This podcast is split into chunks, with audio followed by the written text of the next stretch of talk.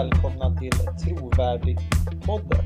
Podden som vill hjälpa dig som kristen att tänka igenom varför du tror och kunna presentera det på ett intellektuellt sätt.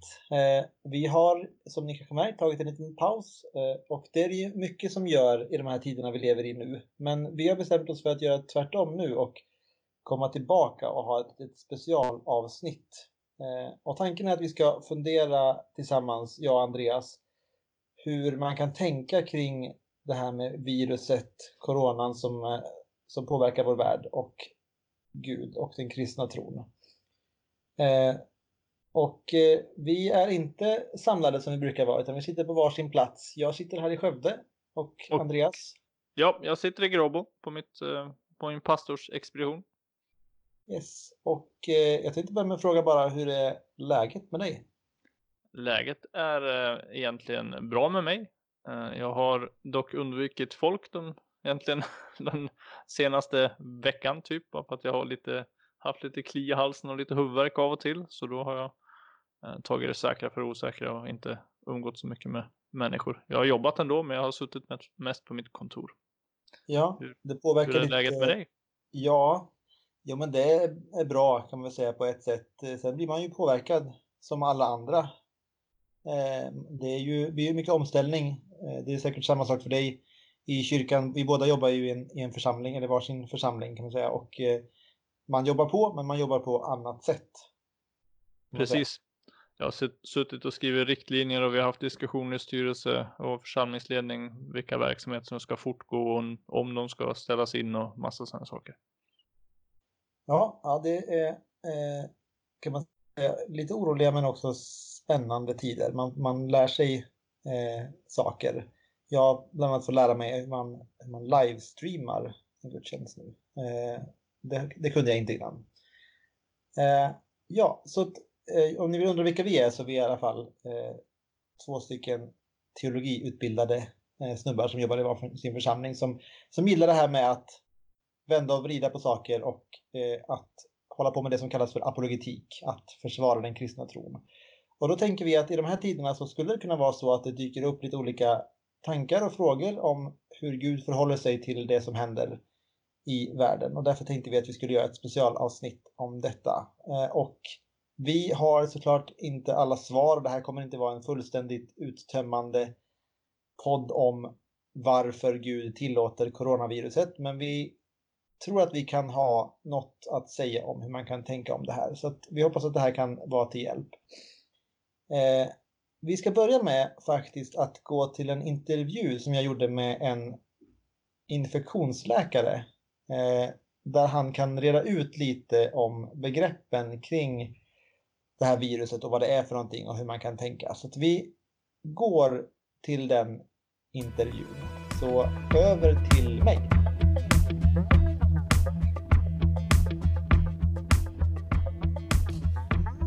Ja, då sitter jag här med Lars eh, Ljungström och ska försöka ta reda på lite mer om det här viruset vi pratar om. Men eh, kan du inte först bara presentera dig Lars? Berätta mm. lite om vem du är och vad du gör. Ja, Lars Ljungström heter jag då och eh, arbetar som infektionsläkare på infektionskliniken här i Skövde sedan 35 år tillbaka ungefär. Så ganska lång tid som jag har jobbat som infektionsläkare. Mm. Vi pratade lite innan och jag sa att eh, jag, man kan vara ganska trött på Corona för att det mm. pratas om det överallt. Men du sa att du inte riktigt hunnit bli trött på det än. Eh, visst är det mycket Corona men jag känner att jag lär mig varje dag mer och mer och så länge jag eh, tycker att, eh, att jag lär mig mer så är jag inte, hinner jag nog inte bli trött på det. Nej okej, okay. men, men skulle du vilja beskriva bara vad, vad är det här Corona för någonting som vi pratar om? Coronavirus det är ju ett eh, förkylningsvirus som, eh, som vi har i olika varianter eh, varenda vintersäsong. Så det finns fyra stycken varianter som är väldigt vanliga bland alla människor och ger oss, drabbar oss som en helt vanlig förkylning. Mm. Men, men vad är det som gör att det här blir så stort? Ja, det, det är att det, det, är ett nytt en ny typ av coronavirus som vi inte har haft tidigare och som ger upphov till en allvarligare sjukdomsbild hos en, en, en del utav de människor som, som blir smittade. De får en, en svår lunginflammationsbild Eh, som eh, kräver sjukhusvård och kanske vart fjärde utav varje person som sjukhusvårdas måste vårdas på intensivvårdsavdelning och, och få hjälp med sin andning. Eh, många gånger med respiratorhjälp. Och alltså, så svårt sjuka personer ser inte vi under en vanlig influensasäsong. Okej, okay, så det är effekten som är den stora skillnaden? Ja, att, att, att ganska många människor blir väldigt svårt sjuka. Nu gäller ju det framförallt de som är lite äldre. Så vi kan säga att någonstans från 50 år och uppåt. Eh, med få, få undantag naturligtvis men, men som regel 50 år och uppåt och med vissa bakomliggande sjukdomar. De drabbas hårdare. Och eh, Sen eh, vad det gäller risken att avlida så, så är den störst för de som är eh, ja, över 65 år och som har olika bakomliggande sjukdomar. Mm. Och då, som vi sa så var det, man ser det här i nyheterna och, och läser mycket om det och då kan man ju läsa att många länder vidtar ganska starka åtgärder. Eh, stänger ner, man har karantän, man Tyskland får man inte träffas mer än två personer. Medan Sverige kan jag tänka har lite, haft lite mildare reaktioner. Hur ska man tänka kring det som lekman tycker du? Ja. Ingen vet ju vad som är rätt åtgärder för vi har aldrig haft något sånt här tidigare. Eh, man kan ju se att de som har vidtagit ganska drastiska åtgärder som man har gjort i Kina eh, där man har eh, stängt ner eh, stora delar av samhället eh, och hållit folk isolerade i 14 dagar om de har varit eh, utsatta för, för viruset. Eller som man har gjort i en liten by i Italien där man då också har testat precis alla i tre, drygt 3000 personer och hållit alla isolerade i två veckor. Då har man ju lyckats få bukt med utbrottet så att det inte drabbar flera. Eh, men vad som händer den dag man börjar släppa på de hårda reglerna, det, det vet ingen. Men, men är man väldigt nitisk, testar alla, håller alla isolerade och framförallt de som är smittade så lyckas man eh, eh, bromsa in det hela i alla fall. Mm. Och det är liksom syftet med det ja, här? Ja. Men sen försvinner det inte utan eh, vi, vi tror ju att det här kommer att fortsätta att återkomma framförallt under vinterhalvåret när vi har förkylningsvirus i omlopp. Så att eh, det kommer att komma tillbaka nästa vinter och nästa och nästa också. Okej. Okay. Mm.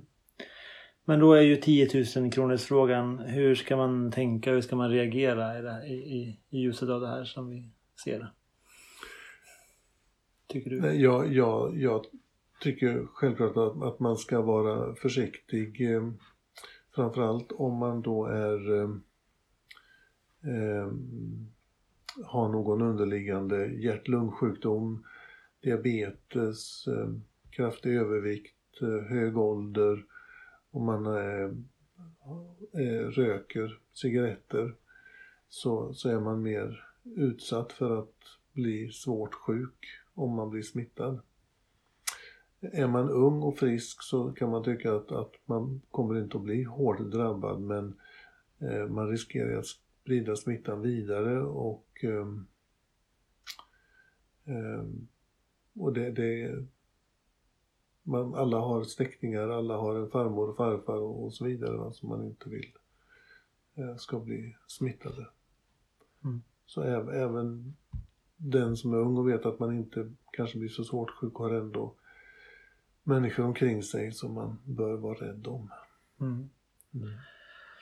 Ja, det är bra. Eh, du är ju kristen eh, och tror på en gud som, som håller världen i sin hand. Eh, har du funderat eh, mellan dem, med de eh, två delarna? Ditt jobb och, och, din tro? Ja, det är klart att jag har gjort det. Och eh, många ställer ju sig säkert frågan var, varför detta drabbar oss. Och eh, liksom, är detta någonting som Gud sänder över människor eller är det någonting som han låter ske? Vi lever ju i en, i en fallen värld där, eh, där synden regerar över skapelsen och har satt systemet ur balans så att vi, vi dör och sjukdomar drabbar oss och eh, många infektioner också. Eh, det, jag, jag kan inte säga om, om det är så att Gud har sänt den här infektionen över mänskligheten eller man låter det ske som en liksom, del utav den naturligt fallna skapelsen. Men eh, oavsett vilket så, så blir ju, tror jag, effekten utav detta att vi, vi, vi inser vår eh, sårbarhet i det samhälle som vi har byggt upp och det vi tror att vi klarar oss väldigt bra utan, utan Gud. Mm. Um, vi blir väldigt påminda om vår, vår dödlighet och vår, vårt samhälles uh, sårbarhet. Så jag tror om inte annat blir det en tankeställare och man kan undra om man, man kan fråga sig om vi eh, lever vi på ett sätt som är hållbart. Mm. Intressant. Eh, tack så mycket eh, Lars. Vi ska ta oss tillbaks till, till studion där jag och Andreas ska fortsätta prata om det här ämnet och de frågorna som Lars eh, tog upp nu. Men tack. Tack Andreas.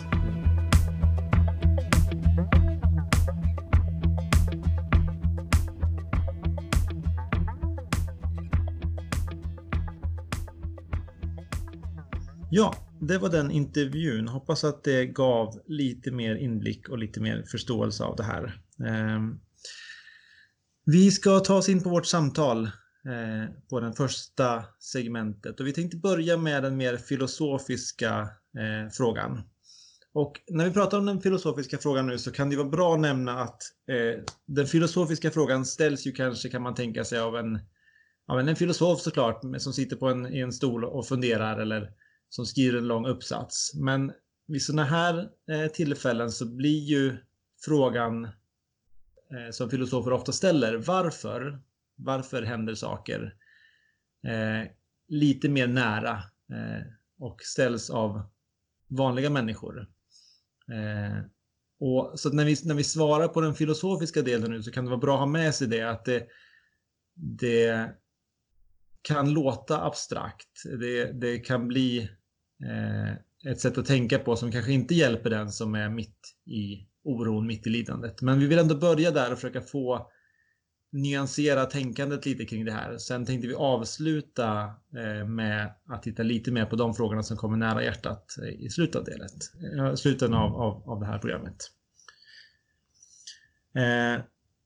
Men när vi talar om lidande och lidande som, en, som ett sorts argument emot att det skulle vara förnuftigt att tro eh, att, det, att det finns en gud. Så finns det några eh, distinktioner tänker jag som vi behöver göra. Vi behöver reda ut lite begrepp innan vi börjar. Eh, och det har väl att göra med att, att, att, problemet är när det kommer till lidande och, och, och de här frågorna att det kan vara känslomässigt. Så därför tänker vi att vi börjar lite med att göra vissa eh, nyanseringar och distinktioner. Ska jag göra det kanske? Det tycker jag det tycker du. det är bra. Jo, nej, men det är ju som du säger, tänker jag också att uh, när frågor blir känslomässigt laddade mm. så, så kan det ibland bli, alltså vårt tänkande rör ihop sig lite. Vi är ju känslovarelser. Människan är en känslovarelse och vi är det i olika utsträckning och så. Uh, och det påverkar uh, hur vi resonerar och hur vi tänker. Så det kan vara bara bra att här, ha en utgångspunkt när man har rätt upp lite begrepp. Så, och den, den första distinktionen när man pratar kring lidandets problem och Gud är, tänker jag, och jag tror du är med på banan också, att göra skillnad mellan den intellektuella sidan av problemet och den, just den känslomässiga sidan av problemet. Alltså mm. känslomässigt, det, det är ju frågor som rör liksom, ja men när vi ställs inför lidande av olika slag så väcker det känslor i oss sorg och, och rädsla och oro och, och vrede och alla möjliga grejer kan väckas i oss och vi kan ibland kanske rikta det mot Gud. Och, och då kanske det inte är helt läge med, med eh, liksom filosofiska argument för varför Gud och lidande kan existera samtidigt, utan det är liksom lite två eh, sidor av myntet som behöver eh, adresseras på olika vis. Sen en annan distinktion jag tänker är viktig det är också um, distinktionen mellan att ge svar och intellektuella resonemang kontra tröst. Om en person går igenom lidande och, och det här, nu, nu är det just de här coronatiderna som gör att det blir så aktuellt för oss och vi hör nyheter om människor som dör så här. Men, men det är ju så att tillvaron är ju präglad av lidande till ganska stor del. Ingen människa lever hela sitt liv utan att möta någon form av, av lidande. Eh, om inte annat är att man förr eller senare förlorar anhöriga som eh, vars liv tar slut. Mm. Eh, och, och i den situationen, där är vi olika som människor också, men det är inte säkert att ett intellektuellt resonemang är vad, vad en person behöver när den går igenom eh, lidande. Just det, om man, om man tänker sig en person som faller ner på knä och ropar ut Varför? Till ja, exakt. Sätt, någon sorts existentiell fråga så är det inte alltid man behöver att det kommer in en och säger du, jag tänkte det finns tre stycken argument här som kan, skulle kunna hjälpa dig. Nej, exakt. Mm. Och så innan vi då dyker in eh, och resonerar kring det här så finns det ytterligare några distinktioner som jag tror det är bra att uh, ha med sig i bakhuvudet. Um, och det är, den första av de distinktionerna handlar om att, och vi, vi kommer prata om lidandets problem, tänker jag, i ett mer övergripande perspektiv i ett annat avsnitt av den här podden. Uh, så, men, men, jag nämner det redan nu ändå att man, man kan göra skillnad på um, lidandets problem kan formuleras som en ett logiskt problem eller ett sannolikhetsproblem. Och vad betyder det? Jo, det betyder att om man formulerar som ett logiskt problem så säger man att det är logiskt omöjligt att Gud existerar på samma gång som, som lidande existerar. Alltså att Varandras motsatser kan man säga. Ja, precis. Det var precis, precis som vi inte kan säga att det finns en, en gift ungkar. Därför att det finns ett inneboende konflikt i konceptet gift ungkar. Så hävdar man då att det finns en konflikt, en inneboende konflikt eh, i konceptet Gud. Och att Gud ska kunna existera samtidigt som ondska. Om det ena uh, finns så finns inte det andra. Nej, men exakt. Mm. Och det andra sättet att resonera som kanske är mycket vanligare idag uh, är är att man menar, nej okej, okay, det kanske är så att det är logiskt möjligt att Gud existerar samtidigt som ondska, men det är väldigt osannolikt. Om vi ser ut över världen så ser vi ju det är jättemycket lidande och hemskheter som äger rum och det verkar ju inte så sannolikt att, att Gud existerar.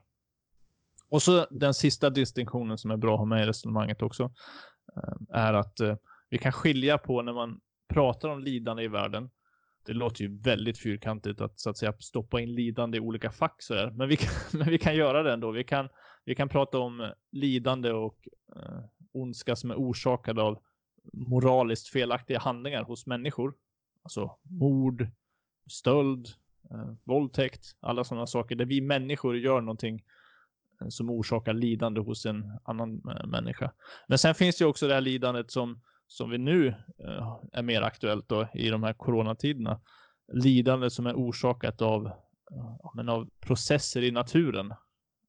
I det här fallet en sjukdom som sprider sig, men det kan ju också handla om, om säg jordbävningar eller naturkatastrofer eller vad vet jag, hajattacker eller någonting. Så. Mm. Så det är några distinktioner som är bra att ta med sig eh, för att bara veta vad vi reson resonerar kring. Och nu när vi kommer att prata om, om just det här så då hamnar vi ju i facket naturligt lidande eh, och resonerar lite kring var, varför, ja, men varför tillåter Gud det? Eller ska man ens tänka att Gud tillåter det? Ja, det finns ju en rad frågor där som, som blir aktuella. Ja, ja men det är svåra och, och, och, och djupa frågor eh, som vi kommer beröra. Eh, och som sagt, det kommer inte vara uttömmande, men vi kommer att, vi, vi tror att vi kommer kunna eh, ge några, några, tankar in i det här i alla fall. Men vi skiljer i alla fall som sagt mellan eh, dels att, att, när, man, när man tänker igenom det rent filosofiskt och när man upplever det eh, känslomässigt. Vi skiljer mellan hur man pratar om det eh, som pastor eller som, som medmänniska eh, och att ge det här intellektuella svaret. Eh, vi skiljer också mellan eh, att det var logiskt möjligt att Gud finns och att det är osannolikt eller att det skulle vara troligt att Gud finns när vi ser att det finns så mycket ondska i världen. Det kan vara en invändning.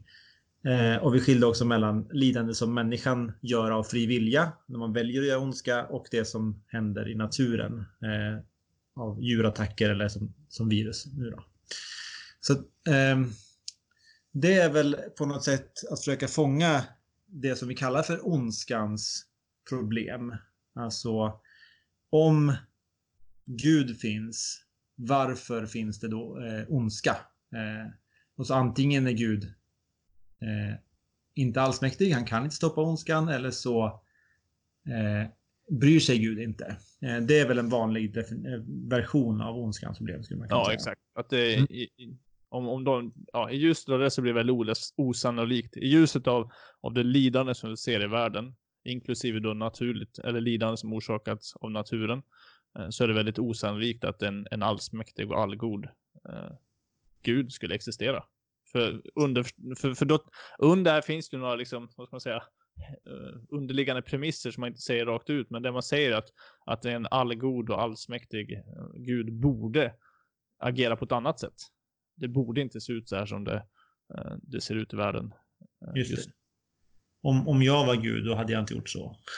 Ja, det, det, ju, det, kan, det kan ju också låta okänsligt när man formulerar det så, men, men det är ju det det i slutändan landar i. Att, Mm. att man tittar på världen och man tycker att nej men det ser, det ser inte ut som det borde göra utifrån hur jag tycker att det borde se ut. eh, Så. Eh, Och underförstått att om jag hade varit Gud så hade jag skött den här showen mycket bättre än vad, vad han gör. Eh, Och eftersom showen ser ut som den gör så finns det nog ingen Gud. Just det.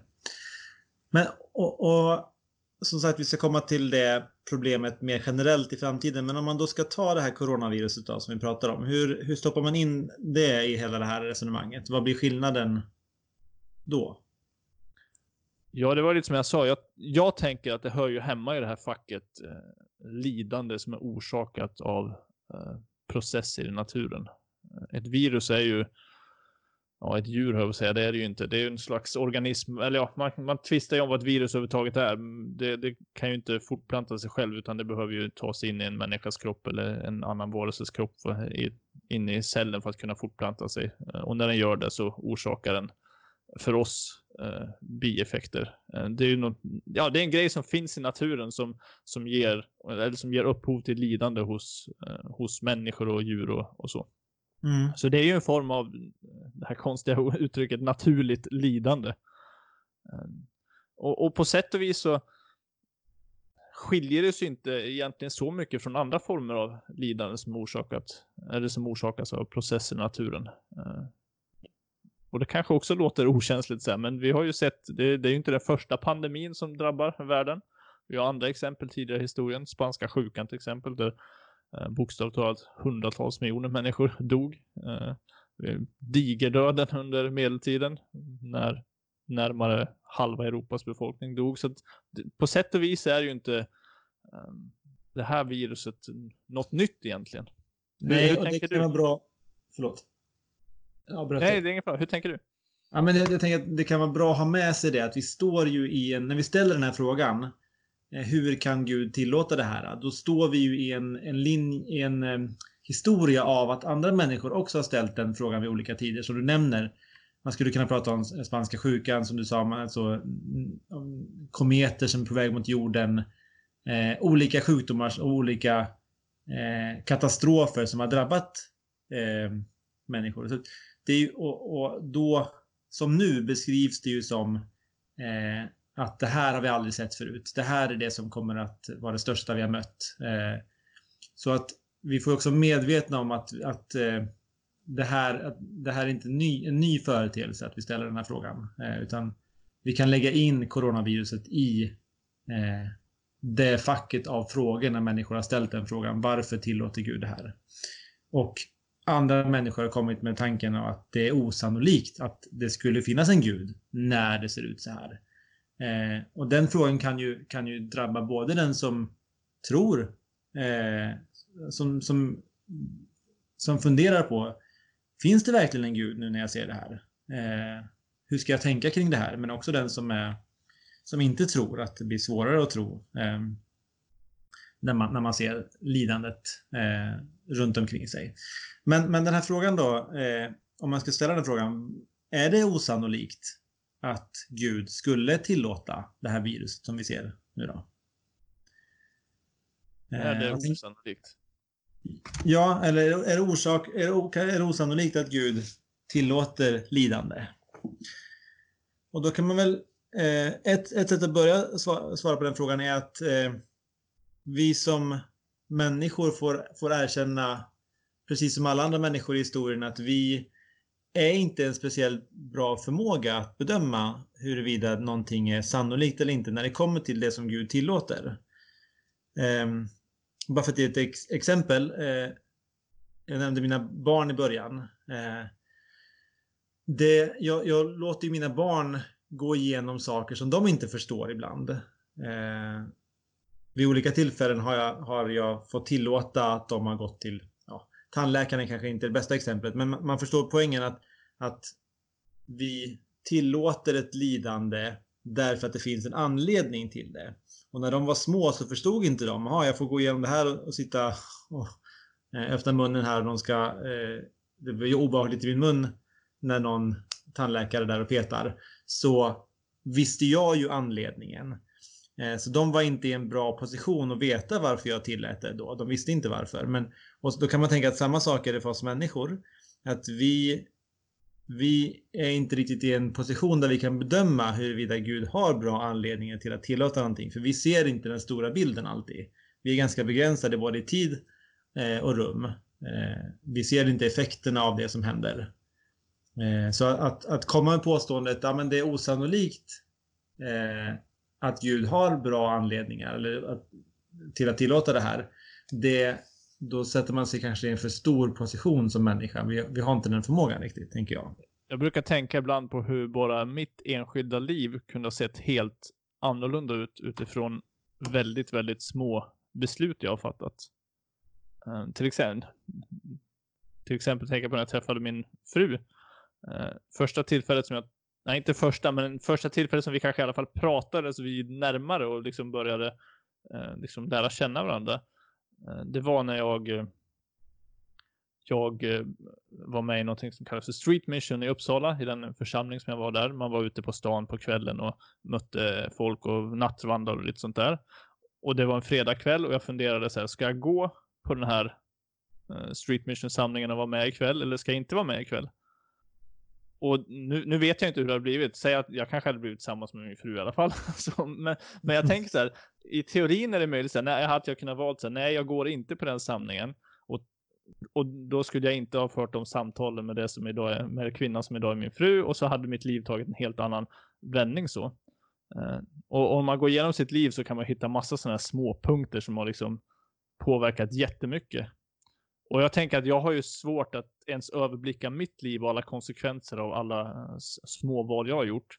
Och jag tänker om vi försöker sätta oss in i, i Guds värld så att säga, allt som han vet och allt han ser, så han vet ju hur alla de här besluten som fattas och saker som händer till följd av andra grejer, liksom hela det här, vad ska man säga, nätet av, av möjligheter.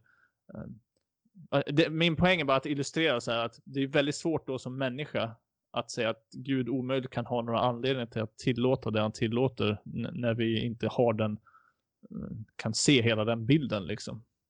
Just det. Och, och när vi säger så, då menar vi ju inte att vi vet vad Guds anledning till att tillåta det är. Eller hur? Nej, precis. Och det, och det tror jag kan vara viktigt att understryka. Eh, Alltså, Gud kanske har skäl till att tillåta att någonting äger rum som får, som, som får positiva effekter om, vad vet jag, 200 år in i, i framtiden. Så att vi, vi är ju, som människor är vi ju en väldigt begränsad, eller vi är väldigt begränsade i vår förmåga att liksom urskilja vad enskilda saker kan, kan leda till. Och, och sen är det kanske också viktigt att betona att det är lätt att man då får bilden av, av Gud som en slags kallt beräknande. Om jag tillåter det här, då händer det här. Eh, och i alla fall utifrån en kristen världsbild så är det ju inte riktigt det som är, är sanningen heller. Att Gud bara är någon slags kallt distanserad beräknad eh, varelse. Det. Han, han känner med varje person som lider. Han, han, eh, han vet vad det är att lida själv. Eh, så att, eh, ja, men bilden av en, av en som bara beräknar exakt vad som ger bäst konsekvenser stämmer inte heller. Utan eh, vi har en också en Gud som är med oss och som förstår eh, lidandet. Det är en viktig, viktig poäng, eh, helt klart. Så själva po poängen där är att eh, vi kan inte veta eh, alltid vad Guds anledning är. Och det är det som gör att det är svårt att komma med invändningen och säga eh, Gud kan inte ha, eller det är osannolikt att Gud har bra anledningar till att tillåta det här därför att vi vet inte. Eh, vi ser inte bilden. Eh, så det var första poängen eh, vi ville göra med när, om vi pratar om att det här är som en invändning. Eh, ett argument emot Gud. Och, och, en del skulle du då tycka, ja men det är bara så här. När, när allt går bra då säger vi prisa Herren och när, när något är dåligt då säger vi att Guds vägar är outgrundliga. Så där. Men, men jag tänker att det handlar inte så mycket bara om att jag Guds vägar är outgrundliga, även om de i någon mån kan vara det. Utan det, det handlar mer om att påpeka att i, inom ramen för det här som ett eh, intellektuellt argument så har vi som människor en väldigt begränsad möjlighet att komma ens med det påståendet att Gud inte kan ha anledningar. För egentligen får man fråga sig, hur kan vi veta det? På, vi, på vilken grund kan jag, kan jag invända mot Guds existens utifrån eh, med påståendet att nej, men det är osannolikt att Gud inte har eh, anledningar till att tillåta det som sker att ske. Ja, och, och som argument eh, så om någon vill komma med invändningen att det är osannolikt att Gud har anledningar till att tillåta ondskan, då får man i så fall försöka underbygga det och visa det på något sätt. Eh, och det blir väldigt svårt eh, att göra det. För Sen förstår vi att det finns... Ja, det, ja, omöjligt helt enkelt. Eh, sen förstår man att det finns en mer eh, emotionell del som säger att det känns inte som att Gud skulle kunna ha anledningar till det. Men, men då, då rör vi oss utanför det filosofin pratar om. Utan då blir det mer att det här skulle jag inte vilja. Det blir mer en känsla. Eh, här pratar vi om mer om anledningarna. Vi pratar om den filosofiska delen och då blir det mer eh, har du något argument som kan visa det? Och där är det omöjligt att komma med ett sådant argument. Eh, så den invändningen funkar inte speciellt bra. Eh, det kan också vara bra eh, att komma ihåg att eh, i den kristna världsbilden så har vi också har vi en värld eh, lever vi i en värld där, där, det inte är riktigt som det är tänkt att vara. Det finns, vi pratar om ett, ett fall eh, där människan väljer bort Gud. Vi pratar om att synden kommer in i världen. Det finns ondska som, som påverkar hela skapelsen. Eh, så att då kan man säga att givet, eller om, om vi pratar en kristen världsbild, då är det inte så osannolikt att det finns ondska. Därför att världen är inte så som den är tänkt att vara och det är den världen som Gud behöver agera i. Eh, så, så, det påverkar också eh, hur sannolikt det är att det finns ondska. Ja, och eh, också det här, en annan grej i den kristna världsbilden är att, det, att ondskan måste sättas i perspektiv också mot att eh, Gud har så att säga en plan för, för evigheten. Det. Och det kan, här och nu så kan det ju låta, um, det kanske kan låta väldigt så här pie in the sky sådär. Att ja, en dag blir det bra, men det är ändå en, ändå, ändå en, eh, en viktig sanning i, i den kristna tron att Gud ska gripa in och göra slut på ondskan. Eh, Paulus kan till och med skriva att eh, den här världens lidande väger lätt mot den härlighet som de bereder. Alltså vi går igenom saker som är svåra och tuffa här och, och världen är verkligen märkt av lidande. Men i, i ljuset av evigheten så är det inte alls eh, lika osannolikt att det här lidandet, att Gud kan tillåta det här lidandet för i hans perspektiv en kort stund också. Just det. Eh, jag har liksom aldrig fattat den där uh, paj-grejen för att paj är ju schysst. ja, paj är gott liksom. Så att om paj i himlen, ja visst. Eh, men man menar ju att enligt den kristna världsbilden så finns ju finns det ju en paj i himlen. Det finns, om, man nu, om nu pajen är ett evigt liv med Gud. Och det, då måste man också ta det i beräkning eh, när man pratar om det som händer här på jorden. Ja, det finns ju ett kristet hopp och det kristna hoppet är att Gud ska låta sitt rike bryta fram fullt ut och skapa en ny himmel och jord liksom. Upprätta allt och där ska det inte finnas tårar, lidande, död och, och så vidare. Uh, och det kan ju, man kan ju avfärda det som pie in the sky eller så kan man ta till det som ett, ta det till sig som en, en sak som hjälper mig att vara uthållig mitt i, mitt i svårigheter. Mm. Hoppet om att det kommer bli, det finns en bättre värld som väntar. Och en, och en gud som har ett, syfte med det som en, eller en, en tanke och en plan. Eh, och kontroll mitt i alltihopa. Ja. Och, och, och givet då det här filosofiska argumentet, liksom, i den kontexten så, så gör det faktiskt ännu mer eh, sannolikt att Gud kan existera samtidigt som lidande existerar eftersom han har ett längre tidsperspektiv och har en, har en plan framåt. Ja, det känns som jag upprepar mig så att vi kanske ska gå vidare. Ja, nej, men jag tänkte att om man nu ska liksom bena lite mer i det här, man, man ställer den generella frågan då, inte just varför tillåter Gud det här viruset, men mer varför tillåter Gud naturlig ondska eh, överhuvudtaget? Vad, vad skulle kunna vara anledningar till det? Ja, det, det, det, där har man ju sagt, gett olika anledningar. Olika teologer och filosofer i kyrkans historia har ju eh, gett olika förslag. Så här. Ett förslag som en del eh, teologer ger, vad kan Gud ha för anledning till att låta lidande, är, är att säga att jo, men genom att vi går igenom de lidanden som vi gör i den här världen så, så formas vi eh, som människor som är bättre ehm, som är bättre, som, som passar bättre in i Guds, eh, i Guds värld på något vis. Vi blir formade till Guds likhet på ett sätt som vi inte hade blivit annat.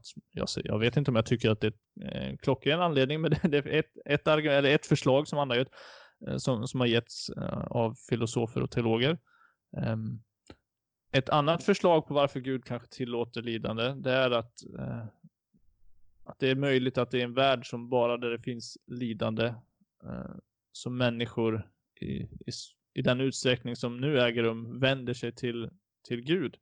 Alltså, C.S. Lewis har sagt no, no, någonting i stil med här att, att eh, lidandet är Guds megafon. Att Gud genom lidandet ropar till människor. Att det, när, vi, när vi möter svårigheter, när vi går igenom lidande så vänder vi oss ofta till, till Gud. Vi inser på något vis att vi eh, inte räcker till i oss själva.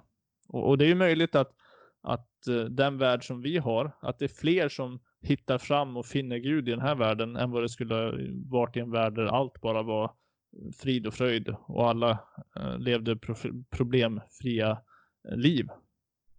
Just det. Så enligt den tanken så är inte Guds syfte eller, plan för människan att man ska ha det så trevligt som möjligt på jorden.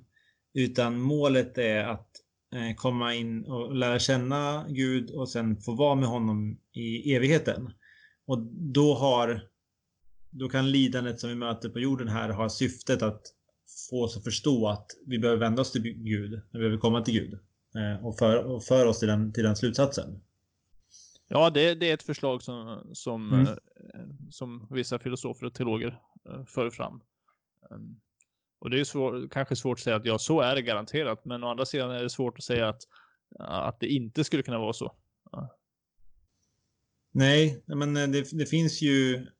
Man förstår ju att eh, evigheten eh, är mer värt än på ett sätt då, den tiden vi lever på jorden. På det sättet att, att desto längre tid som man är i evigheten, desto mer krymper det vi möter eh, här på jorden. Jag vet att eh, en talare som jag såg om det, han hade liksom en, en rep som han hade, och då var ena delen en ganska kort stump av det här repet var rödmarkerat, rödmålat. Jag har snott hans illustration och använt den en gång.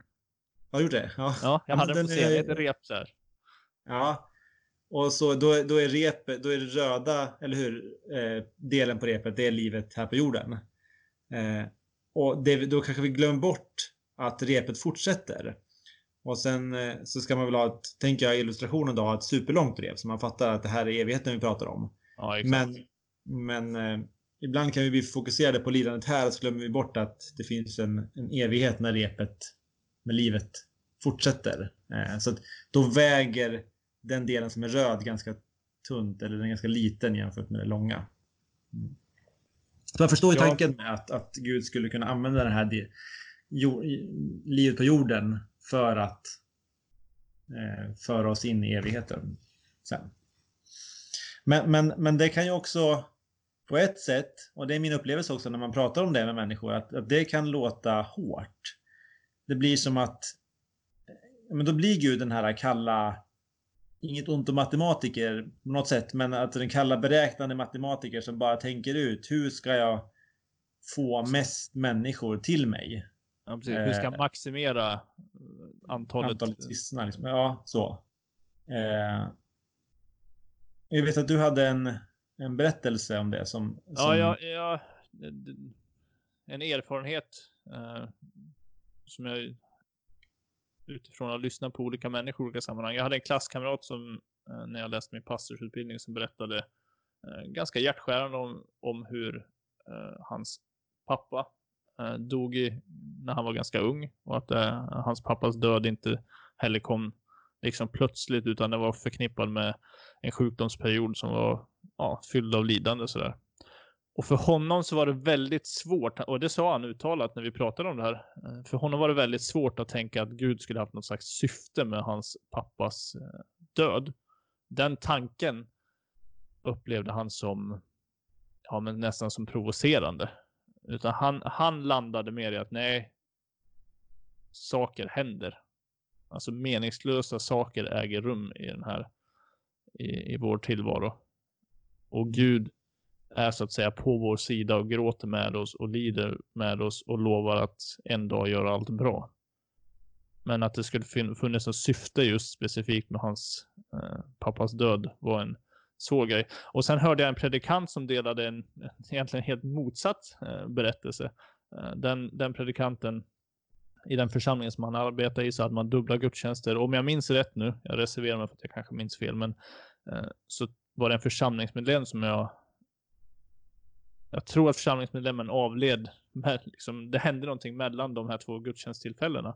Och så ser han eh, att eh, församlingsmedlemmen som hade avlidit, att den, dennes fru är, är med på den andra gudstjänsten. Och han blir lite förvånad och tänker att borde inte hon vara sina nära och kära och så här. Och, och den här personen eh, Predikanten råkar dessutom vara kalvinist som tror väldigt hårt på Guds liksom, förutbestämda plan och betonar att Gud styr allt, liksom, minsta, minsta detaljer för förutbestämd av, av Gud. Och hans predikan råkade handla om det också. Han, han tänkte, ska jag predika om det här nu? Och landade att det ska jag göra. Och sen pratar han med den här äh, hustrun som just har förlorat sin make. Äh, för att liksom, ja, lite själavårdnad. Han, han, han är lite orolig att det han har sagt ska göra väldigt, liksom landa fel och sen och göra ont och sen. Och då säger hon att jag behövde komma till kyrkan för att höra Guds ord. Jag behövde få höra att Gud hade ett syfte med att min make dog. För annars är det liksom, finns det, är det bara bottenlöst meningslöst och jag kan inte leva med den tanken att, att min man har dött utan något som helst eh, mening med hans död. Så, så det, det här illustrerar bara hur vi kan som människor, vi kan reagera och tänka väldigt olika kring, kring när vi möter eh, svårt lidande. Mm. Ja, absolut. Och, och någonstans så förstår man ju reaktionerna man kan, man kan på något sätt sätta sig in i båda deras perspektiv. För den ena var det, jag vill inte att det ska finnas ett syfte med det här. Eh, och för den andra var det, det ger mig eh, en trygghet. Ja. Och där skulle jag vilja säga då att, att Gud är en Gud som möter oss där vi är. Han, han förstår oss och eh, på något sätt saltaren om man läser de bönerna så finns det en frustration i Gud ibland som, som uttrycks. Eh, varför sover du Gud? Kan de skriva. Ja visst. Var, var håller du hus någonstans liksom? Ja, där man inte ser eh, vad Gud kan ha för tanke med, med det han gör. Eh, och och det, sådana reaktioner måste vi få ha inför Gud. Alltså sådana känslomässiga reaktioner eh, finns det ett utrymme för att uttrycka. Jag men, tror men till och med att det... Ja, förlåt. Nej, men kör på. Nej, men jag tror till och med att det kan vara att, att vi behöver uttrycka de sakerna. Eh, för alternativet är alltså på något vis att låtsas om Alltså hålla det på insidan och låtsas som att nej men allt är bra. Jag har inte, jag, jag har inga invändningar mot dig Gud. Jag tycker att allt, allt är fint. Eh, och, och så bara kokar det på insidan liksom. Och Gud ser ju dessutom rakt igenom det i alla fall. Ja, men det är verkligen, eh, det funkar verkligen att gömma det för Gud och det är inte bra för, för oss som människor att göra så. Så att, där finns det ett utrymme för det. Men samtidigt om man ska tänka igenom det teologiskt så har jag svårt, eh, jag vet det ska intressant att höra eh, hur du tänker Andreas, men jag tänker att det är svårt eh, att landa i något annat än att Gud har en tanke. Eh, och det bygger jag på två saker. Dels så är det ju så att Gud har förmågan att stoppa. Alltså tror vi på en allsmäktig Gud, då är det ju svårt att säga att han inte skulle ha förmågan att stoppa eh, en händelse, om vi nu pratar, vare sig vi pratar om att någon eh, dör eh, som är nära en eller om man pratar om coronaviruset, att, att Gud ändå har den förmågan som allsmäktig. Eh, så att hur vi än gör så hamnar vi i ett varför en varför-fråga. Ja, den finns kvar. Ja, men Gud tillåter det och han skulle kunna stoppat det. Och det andra som, som jag kan lägga till på det, det är ju också det att Gud faktiskt måste uppehålla allting. Alltså ibland kan vi ha bilden av världen som att den fungerar av sig själv som, ett sorts, eh, som en klocka som bara snurrar på. Men, men enligt kristen teologi eller eh, förståelse av, av världen så behöver Gud uppehålla den för att den ska fungera. Och det betyder ju att om man tänker efter att Gud måste uppehålla det här viruset för att det faktiskt ska kunna sprida sig. Och det är ju en tanke som kan vara tuff. lite provocerande. Att tänka, ja visst. Men, men det betyder inte att den inte finns där. Eh, och jag har alltid varit så att jag tänkt att vi, det in, att ignorera eller strunta eller sopa under mattan, att ha den approachen eller tanken om frågor hjälper inte. Utan eh, de finns där och då måste jag kunna ta hand om dem. Så jag, jag har svårt att, jag förstår din klasskompis reaktion, men jag tänker ändå att rent teologiskt så hamnar vi ändå i att, eh, att Gud tillåter det av en anledning. Och jag resonerar, det blir ju dålig podd när vi bara håller med varandra, men, men jag resonerar ju ganska likt. Eh, om man gör det väldigt tydligt, om man tar till exempel när trafikolycka håller på att ske. Om vi tror att Gud ser att trafikolyckan är på väg att äga rum och vi tror att Gud har eh, möjlighet att ingripa. Och, och det, berätt, det vittnar vi om ibland. Ibland berättar vi om mirakler till exempel. Folk som blir eh, Eh, friska från sjukdomar plötsligt. Eller, eh, eller vad vet jag. Eh, någon, någon, någon bara flyttas på när han skulle bli påkörd eller vad, vad som helst liksom. Vi, vi, som kristna så tror vi att Gud kan gripa in. Och vi tror, att han har, vi tror att han har förmåga att gripa in. Vi tror att han ser vad som händer. Då ställs vi inför frågan, när Gud inte griper in, finns det en anledning till att han inte griper in? Så att säga tillåter det som äger rum att äga rum? Eller är det bara så att Gud inte vill gripa, gripa in för att liksom det ska finnas slags onödigt lidande? Jag tycker att man gör jag tycker att man ställs inför en, eh, ett problem hur man vänder och vrider på det. Och, och för mig så är det rimligare att tänka att Gud trots allt har ett syfte med att inte gripa in än att bara säga nej, han grep inte in. Han ville inte, eller han bara lät det bli att gripa in. Just det. Och då skulle de anledningarna kunna vara som vi sa i början. Dels att, att han har en konsekvens eller en anledning till det här och nu. Någonting vi behöver lära oss, någonting vi behöver eh, förstå. Men också i slutändan för att människor ska komma till tro på honom det som man kan behöver nämna i den, i den slutsatsen det är ju att det här, som sagt vi har återkommit till det, men det här är ju inte en kallt beräknande gud. Utan det här har vi ju en, en, eh, en gud som faktiskt eh, bryr sig om, som vill det bästa. Gud skulle, Gud, man skulle kunna säga att Guds yttersta syfte, hans yttersta vilja är ju att ingen ska drabbas av någon sjukdom. Ingen ska dö, ingen ska behöva gå igenom lidande.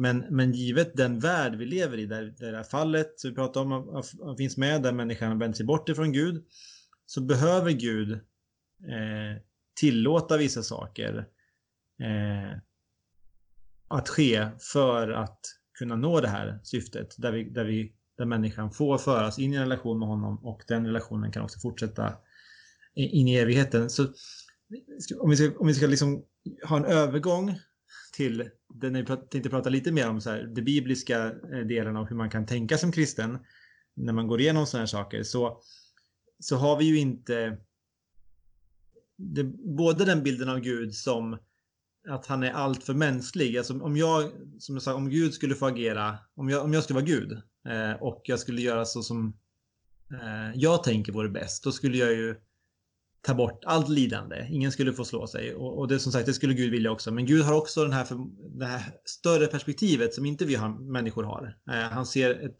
längre perspektiv. Och kan ha den här övergripande planen. Men han är heller inte som en kallt beräknande eh, person som bara ser och det här, det här, det här kommer till mitt slutgiltiga, då får jag fram det resultatet jag vill ha. Utan han är också med oss i lidandet. Och de två möts ju på något sätt i eh, det som händer på korset. Där eh, Gud har en plan eh, för allt lidande. Han tar allt lidande på sig. Eh, så det finns en övergripande tanke med världen och allt som händer. Men han har också eh, det här mänskliga perspektivet att han känner närhet, han känner eh, eh omsorg för oss och tar eh, vår, våra synder och vår, det vi, dumma vi gjort på, på sig på korset. Eh, så i dem möts de två bilderna. Så vi har en Gud som både bryr sig men som också är allsmäktig och, och, och, och har en plan för världen. Jag, jag, tror att en anledning till att vi ibland kämpar med lidandesproblem på ett sätt som man kanske inte gjorde. Alltså lidandesproblem har alltid funnits och som du säger, vi, vi ser det i Saltaren också, man ropar ut vårt är du Gud. Eh, men jag, jag, tror ändå att vi kanske i vår i västvärlden och så, vår moderna tid, vi har på något sätt eh, Ja, men vi, vi har försökt minimera så mycket lidande som vi bara kan på olika sätt. Och när vi möter lidande så, så får vi en väldigt stark känsla av att nej, men så här ska det inte vara. Och hur skulle Gud kunna tillåta det? Och så på något sätt glömmer vi bort att Gud är suverän över den här skapelsen och håller den i sin hand. Samtidigt som han älskar den, som han sänder sin son. Alltså jag tror att vi ibland... Ja men du är inne på det här att att vi måste hålla två tankar i luften samtidigt liksom. Att Gud är den suveräna skaparen som har en plan som han för mot sin fullbordan. Det betyder inte att han inte älskar, att han inte bryr sig, att han inte är så att säga indragen i skapelsen. Och som du säger så, så visar han det väldigt tydligt genom att faktiskt inkarneras och, och bli en del av världen och ta, ta in lidandet i sig, i sig själv. Mm. Ja, ja, tänker ibland på att det är lite som om man haft en eh, alkoholist i sin närhet någon gång. Eh, då det, då kan man uppleva att det är väldigt svårt att hjälpa en sån person. Eh, och då, då behöver vi förstå det själva. Eh, och att det innebär ibland att man behöver eh, lämna den personen till sitt öde för att den behöver komma till sån botten att den förstår att jag behöver det här behovet. Eh, och när man gör det så känner man ett otroligt lidande. Man vill hjälpa, man vill eh, göra allt man kan. Men man förstår att det som hjälper den här personen bäst just nu det är att den får komma till botten och sen förstå behovet och jag måste få hjälp och sen ta det initiativet av sig själv. Och det skulle kunna vara en bild på, på det här. Alltså man, man är inte kall, man är inte kärlekslös mot den personen utan man förstår att det som är bättre det är att den, att den får komma till den här delen när, när jag behöver inse mitt eget behov. Eh, och lite så kan det vara med oss människor och, och, och hur Gud agerar, tänker jag. Det var ganska förstår bra bild, jag har inte hört den förut. Jag har faktiskt kommit på den själv. eh, och jag har reflekterat över det när jag har upplevt detta i min närhet också. Ja, just det. Eh, så att, vad säger vi då som som slutsats om vi ska skicka med eh, någonting. Hur kan man tänka som kristen när, när man ser det som händer i världen? Vill du skicka med någonting Andreas? Vill jag skicka med någonting? Jag tänker... Eh, pastor Andreas. Ja, pastor Andreas. Vad har jag predikat? Uh, det, det, är lite intressant när man har hört utifrån nu fylls mitt Facebookflöde av liksom länkar till folks eh, såna här, liksom, livestream och såna här gudstjänster och det är budskap och så här. Och jag tänker på jag själv predikar också. Så, så, vi vill gärna predika om hopp och att Gud eh, finns med. Och det tror, jag, det tror jag verkligen vi ska göra. Jag tror att det är någonting. Hur ska man som kristen liksom möta utmaningen av coronaviruset? Så tror jag att man ska, det är ett utmärkt tillfälle att påminna sig själv om hoppet. Hoppet om att Gud är med och hoppet om att Gud har liksom en, en framtid för oss. Men sen såg jag någon som hade, hade haft en annan ingång i det här. Den hade eh, haft en predikan om omvändelse. Och det tyckte jag var ganska intressant för det är, när man läser i Bibeln så är det ju ofta så, om vi tar Israels folk som exempel, att när de går igenom svåra tider så manar profeterna till omvändelse. Alltså att mm. låta de här... Menar du med omvändelse? Bara för att... Ja, nej men att man prövar sitt liv och att, i Israels fall var det att man har helt vänt sig bort från Gud och nu vänder sig tillbaka till Gud när man drabbas av olika eh, svårigheter, exil och så vidare. Se på sig själv och se hur ser mitt liv ut? Vad, vad, ja, men precis. För att för på något sätt så avslöjar de, vi lever så lätt i illusionen av att vi har koll på läget och vi har kontroll. Eh, och, och vi har liksom våra samhälleliga skyddssystem och allting. Men, men nu, nu på något vis så skakar ju allting. Allt är lite ostabilt liksom. Och det är därför vi blir oroliga. Eh, och, och då kan vi ju, vi kan såklart eh, hålla fast vid hoppet om att Gud har kontroll och att det finns hopp. Men jag tror också att det är ett gott tillfälle att så här, om allt skakar, eh, också bara rannsaka sig själv. Ja, men vart, vart är min, eh, vem är det som är min liksom klippa i livet? Vad är det jag har byggt mitt liv på? Har jag byggt mitt liv på farbror staten? Är, är det där jag ytterst har min trygghet? Eller är det hos Gud jag har min trygghet? Det finns, det finns en, en möjlighet att mitt i det här också, eh, vad ska man säga, väckas lite till, till eftertanke. Och det tror jag, jag tror att det är många som kommer, när det här så att säga, när vi har gått igenom den här tiden, så kommer vi ju säkert få en diskussion i samhället, är samhället rätt förberett och så vidare. Och där tror jag vi som enskilda kristna också kan rannsaka oss. Eh, är jag förberedd för att möta Gud liksom? Och, och i ljuset av att nu skakade allting liksom. Eh, så. Jag mm. förstår alls vad jag far efter. Ja men verkligen. Jag, jag, jag, förstår. Och det är ju någonstans det vi har pratat om också, om att eh, lidandet kan få oss att förstå och tänka efter vad som är viktigt och, och, eh, om jag lever rätt. Eh, så jag, jag, tror att de två, de två delarna kan vi eh, skicka med. Dels hoppet men också eh, hoppet som finns i Gud. Hoppet är att Gud har en plan som vi har pratat om. Att, Gud, det finns en anledning till varför Gud tillåter det här. Men också att den anledningen är att människor kan få vakna. Och då kan jag också få titta på mig själv. Behöver jag eh, vakna. Det, där kan vi väl landa, tänker jag. Där kan vi landa. Eh, vi har inte svarat på alla frågor. Eh, antagligen inte och vi har eh, skrapat på ytan, säkert i många fall. Men eh, vi avslutar eh, samtalet så. Eh, har ni några frågor eller några tankar som ni skulle vilja att vi tog upp? Vi kanske gör ett till avsnitt om det här om det finns mycket frågor. Eh, så får ni jättegärna skicka in dem. Vi, man kan höra av oss, sig på olika sätt, eller hur Andreas? Det kan man göra. Man kan höra av sig via mail och Instagram och Facebook. Eh, trovärdigt podden at gmail.com eller så trovärdigt podden söker man på Facebook eller på Instagram. Så eh, trovardigt finns... kanske det är förresten. Trovardigt podden. Så, at gmail. Inga, inga prickar eh, på internet. Nej, men eh, det låter bra. Vi eh, vill också tacka eh, den som gjort vårt intro. Finns på Spotify. Heter Kid Amazed. Lyssna gärna. Han eh, släpper nya låtar. Så gör gärna det. Får, får jag bara göra förresten ett tillägg? Ja. Förlåt. Jag gör ett Nej. sista tillägg. Uh, jag tänker att man kan ju skriva om man har invändningar också, inte bara frågor så utan man tycker så här, men så där kan ni ju inte resonera. Hur, hur kan Just... ni säga så? känn sig fri och komma med det också. Absolut. Vi, vi är öppna för både ris och ros. Exakt. Ja.